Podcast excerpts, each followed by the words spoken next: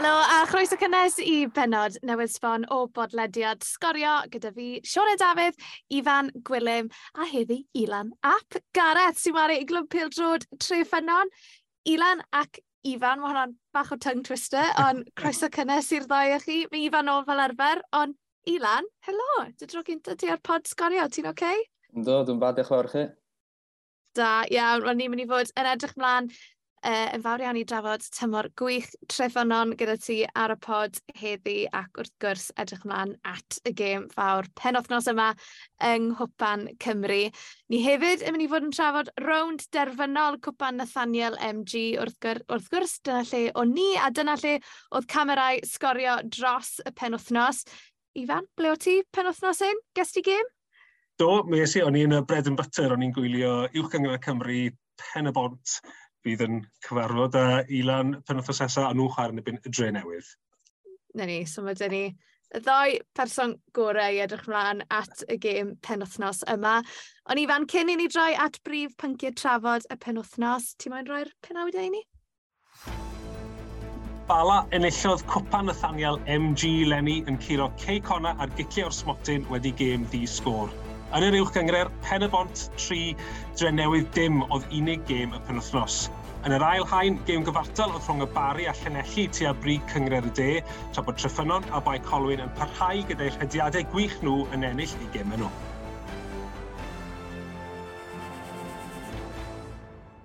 Wel boes, nawn ni ddechrau gyda rown derfyniol Nathaniel MG.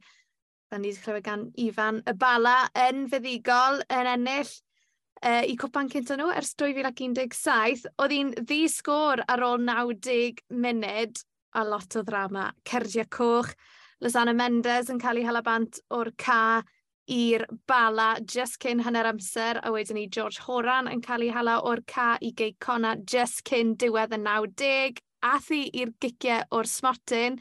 Ilan, ti wedi cael cyfle nes ti cael cyfle i weld y gym, neu ti wedi gweld yr uchaf bwyntiau, oedd hi'n eitha, oedd hi'n ffeinal eitha dramatig?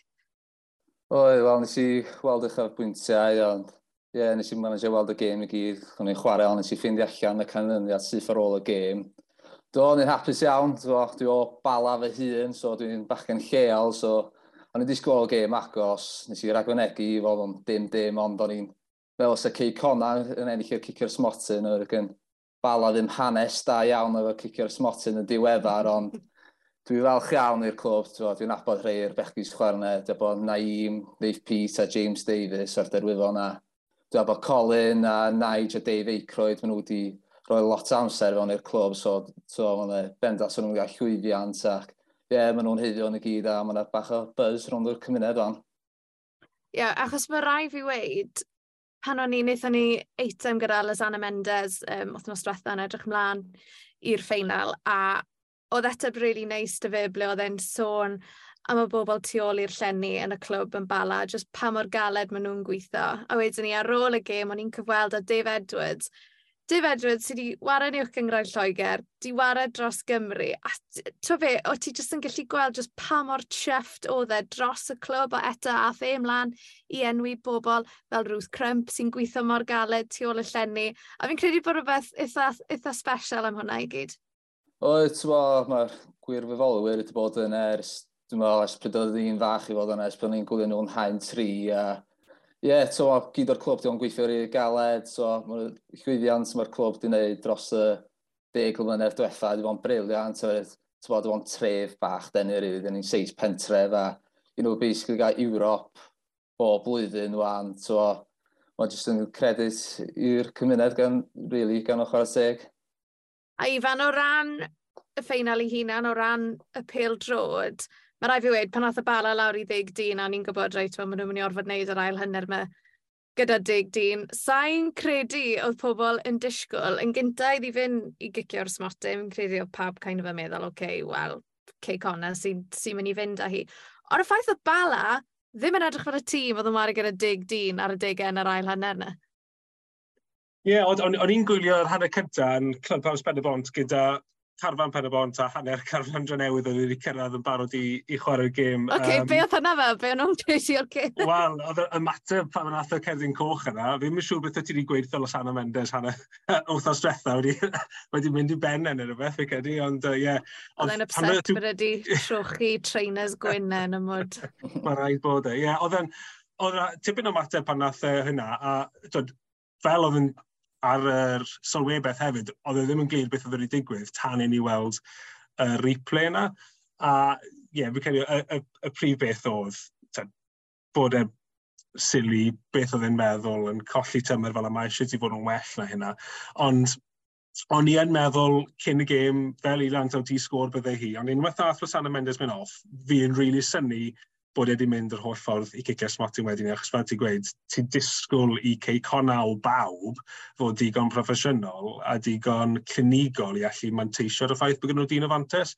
So ie, yeah, chwarae teg i bala am, am stico, stico mewn a, a cadw, cadw nhw tan, well, tan bod George Horan yn cael elor cae, oedd hwnna'n gerdyn coch clir, dim cwestiwn am hwnna.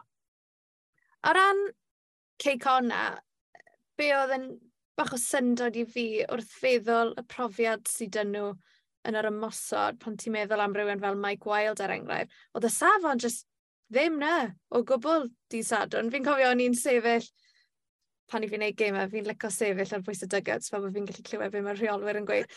A ni jyst yn clywed Neil Gibson yn sgrechen, just finish it, just finish it, trwy gydol y 90. A mae hwnna i fi jyst yn crynhoi perfformiad Ceic Ona. Chos yn wedi gynnar hanner gyntaf yna, gallen nhw'n hawdd iawn di bod rhyw dair gol lan i ddim ar y hanner. Ie, yeah, ond un peth nes i wedi wrth ystwetha fel oedd pa mor allweddol bydde cael Alex Ramsey nôl i Bala, mm. a just a gath ei amser. anhygol. Do, ie, yeah, just cyn anna amser cyfle na i Mike Wild, fel ti'n gweud, a Alex Ramsey, dim Aaron Ramsey, Alex Ramsey'n cael yr arbediad yna, oedd yn ffantastig cadw nhw, just cyn hanner amser hefyd, oedd, so bydde hwnna dwi'n mewn, bydde ni'n newid y gêm yn llwyr, so ie, yeah, na, oedd e'n bwysig iawn iddyn nhw. Wel, ni wedi gweld cwpl o gen chwaraewyr Cymru'n dod i'r gyngrair, felly bydd Aaron Ramsey, mae Aaron uwch gyngrair Cymru rhyw ddwrnod. Probably not. Sorry, Dylan Ebs.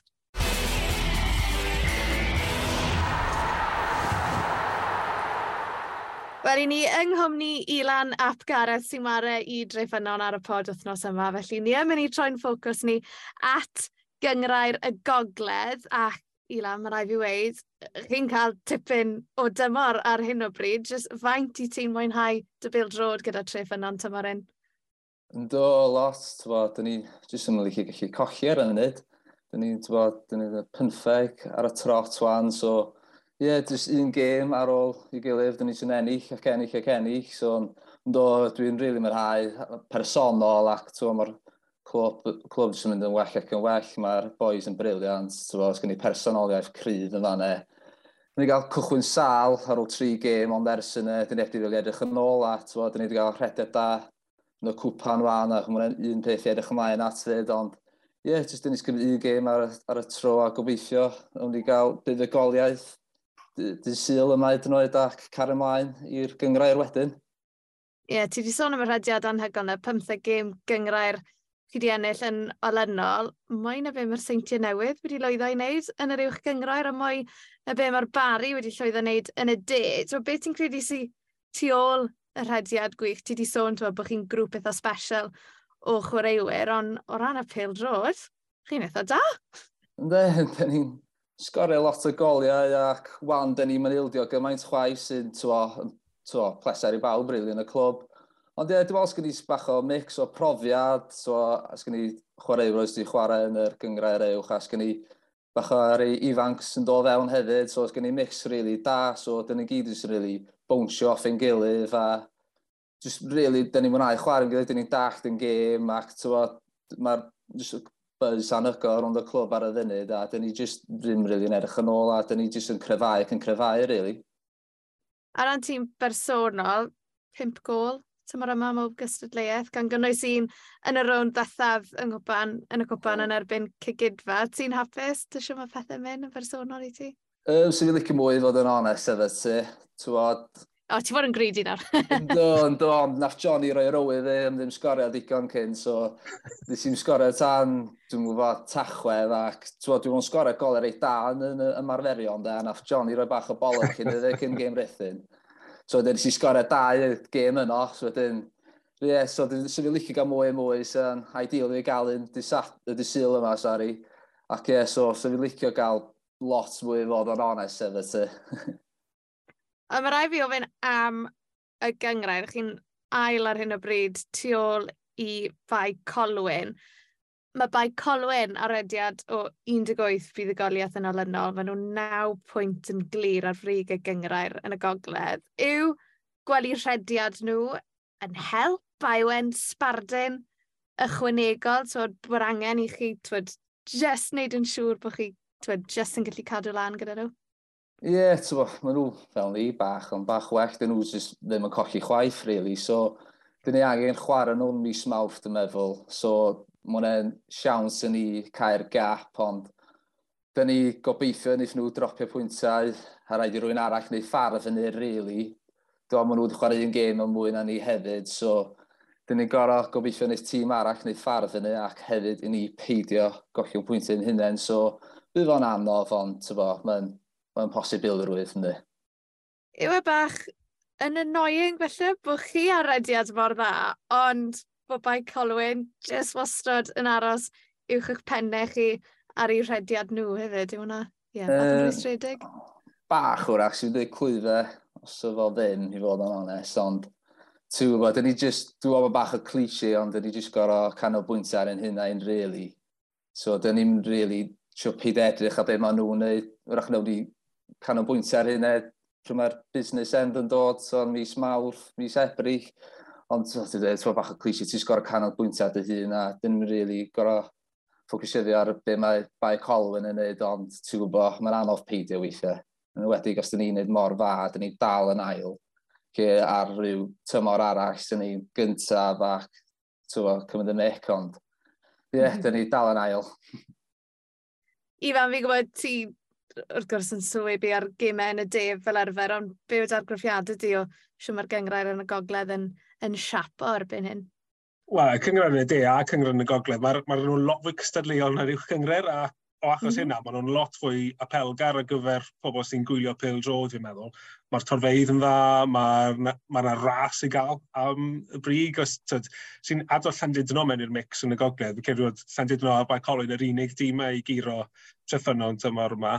A yn y de hefyd, tyd, Llansawel, Llanelli a'r Bari'n yn dîmau e sydd yn mynd am y brig fyna. Mae'n ma really compelling gwylio um, y ddwy gyngor yna. Um, yeah, fi ddim yn gwallu cael cyfle i weld gymaint o'r tîm yn y gogledd, ond pan fi yn, maen nhw bwcle pan nath nhw lawr i warn emill yn sawl yn y gwpan, tyd, really gystadleuol, tyd, maen nhw lan na, ti o'r pumed falle yn y gogledd, tyd, mae ma lot o safon i gael na, mae'n really neis edrych ar y gangler. Ilan, pwy yw'r tîm yn odda chi wedi gwynebu hyd yn un tymor un? Fi'n gwybod y bai Colwyn lan e, na, ond Ifan yn sôn fyna jyst pa mae'r gystadleuol, mae'r cyngreiriau yn y gogledd ar de. Pwy yw'r tîm ble o'ch chi'n meddwl o gosh, ar i falle ddim cweith yn disgwyl hwnna. Ti'n mae pob, pob un tîm yn her wahanol, really. Yn wedig i ffwrdd, so, di'r ceau yn gyngre ni ddim efo'r 3G llawer, so, so, sgyd ti reino stuff a cae tatws, really. So, mae hynny'n anodd i chwarae, really. A fa, so, gen i gêm pen wythnos diwetha allan eitloes sy'n i ffwrdd yn rili really anodd, so, sy'n neb yn rili really curo nhw'n hawdd, ac lot wrach o weld hwnna i ni, fatha bach o banana skin, really, ond wedyn sgyd ti tîm fatha bwcle, maen nhw'n tîm sy'n cyfforol iawn, sy'n anno, sy'n really yn brwydr. Wedyn sgyd ti tîm fatha Bai Colwyn yn wedig sy'n ddar peldroedwyr really da.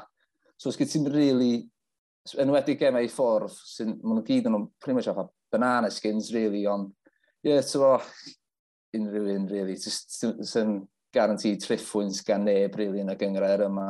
Dyna pam mae lot o bobl weld o'n rili really cyffroes a dyna pam dyma ddim gael torfau wrach bach uwch na'r gyngred uwch ben ni rili. Really.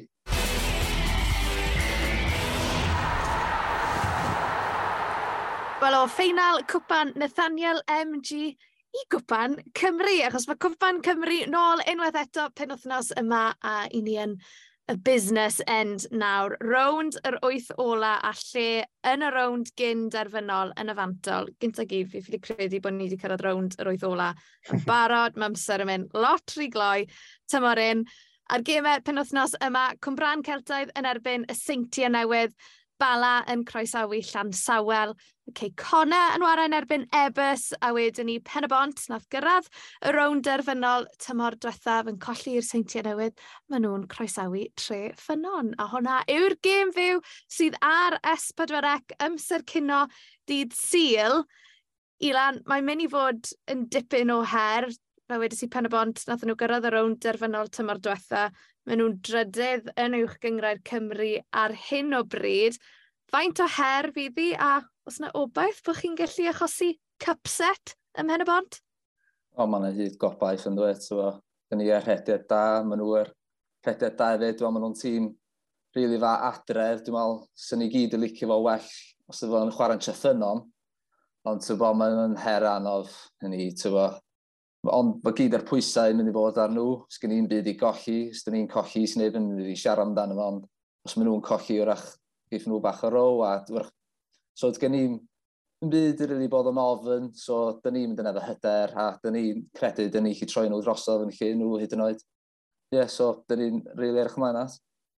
Ifan, ewn ni, mewn i bach fwy o fanylder o ran pen y bont a'i tymor nhw hyd yn hyn, achos ti'n aml yn yn sylwebu ar y gemau. A, ti'n aml yn siarad gyda Rhys Griffiths ar ôl y gemau, ond ni'n cofio rownd yma llynedd pen y bont gartre yn erbyn ffynon taf o gyngrair y de.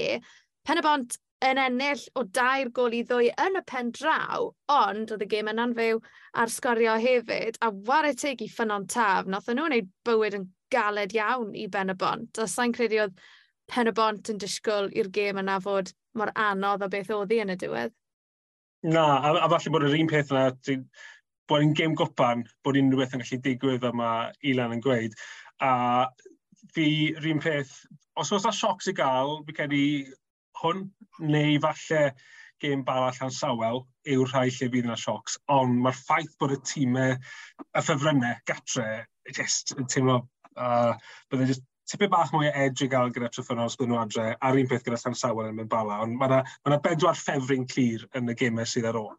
Um, ond ie, yeah, na, fi, os oes yna gyfle Tryffynon, does ddim unrhyw reswm ddim i baco Tryffynon yn y gêm yma, er bod pen y bont, well, o'n i'n gwylio nhw uh, dros penwthnos a nath nhw wneud i dre newydd sydd yn dîm yn y chwech eicha, nath nhw wneud iddyn nhw edrych yn average iawn, a maen nhw'n gallu wneud hynna.